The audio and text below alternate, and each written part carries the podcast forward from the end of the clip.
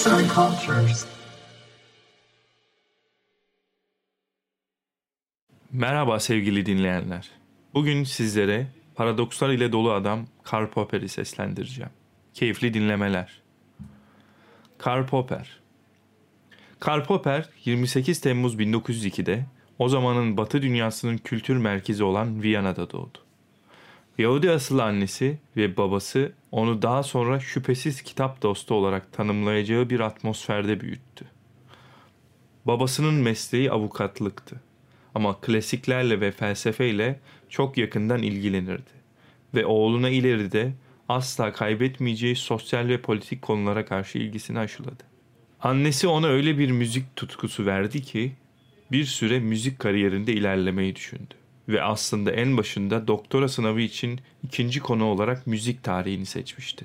Daha sonra müzik sevgisi onun düşünce gelişiminde ilham verici güçlerden biri haline geldi ve dogmatik ve kritik düşünme arasındaki ilişkiyi kendine has bir biçimde yorumlamasında, nesnellik ve öznellik arasındaki farkı tanımlanmasında ve en önemlisi de müzikte sürekliliğin doğası hakkında tarihselci görüşler dahil tarihselciliğin her türüne karşı beslediği kininde müzik sevgisi kendini gösterdi.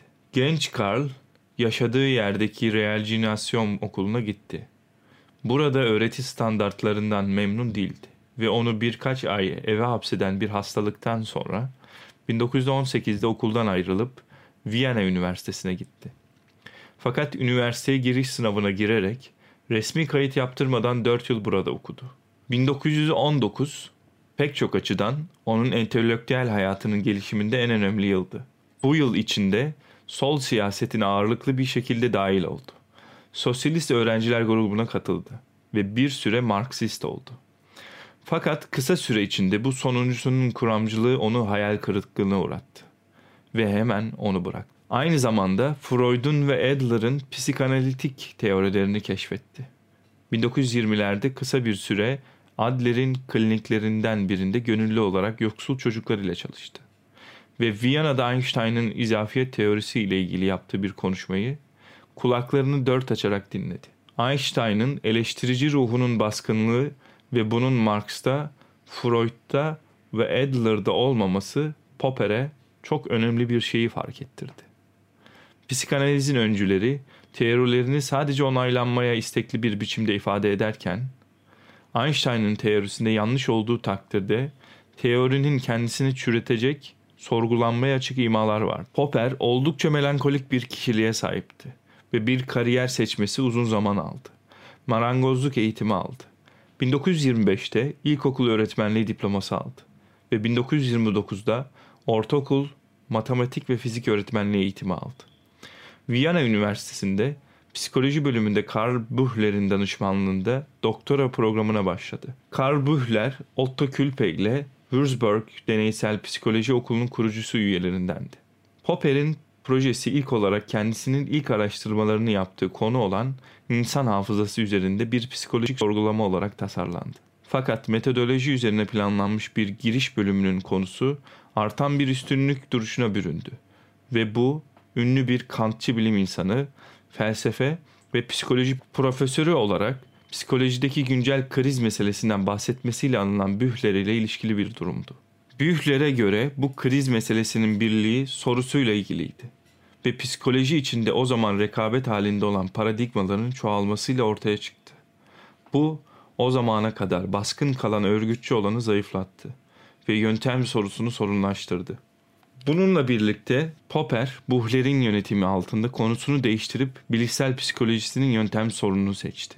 Ve psikoloji üzerine yöntemler başlıklı teziyle 1928'de doktorasını aldı.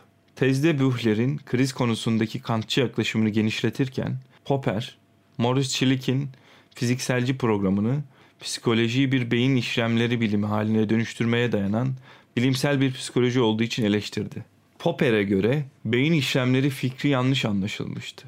Ama bundan kaynaklanan sorunlar onun dikkatini bühlerin psikolojinin birliği sorusundan uzaklaştırarak bunun bilimselliğine kaydırdı. Yöntem, nesnellik soruları ve bilimsel duruma yönelik iddialar onun için hayat boyu sürecek önemli bir endişe olacak. Aynı zamanda bu onun düşüncelerini Friedrich Russell ve Viyana çevresinin pek çok üyesi gibi çağdaş analitik felsefecilerin düşünceleri de aynı hizaya getirdi. Ve psikolojiyi terk edip bilim felsefesini seçmesine yol açtı. Popper, Anna Henniger ile 1930'da evlendi ve karısı 1985'te ölünceye dek aynı zamanda sekreterliğini yaparak onun sağlığıyla sonsuz destek ve adanmışlığıyla ilgilendi. Evliliklerinin ilk zamanlarında hiç çocuk sahibi olmamaya karar vermişlerdi. Ve Popper ileride bu kararı sakinlikle hatırlayabilecekti. 1937'de Popper, Yeni Zelanda'da Canterbury Üniversitesi'nde felsefe hocalığına başladı. Bölüm başkanı ile arası oldukça gergin olsa da burada 2. Dünya Savaşı boyunca kalacaktı. Bunun yanında Henny, memleketi Viyana'dan uzakta yaşamaya alışmakta zorlanıyordu ve memleket hasreti onu gitgide daha da mutsuz ediyordu.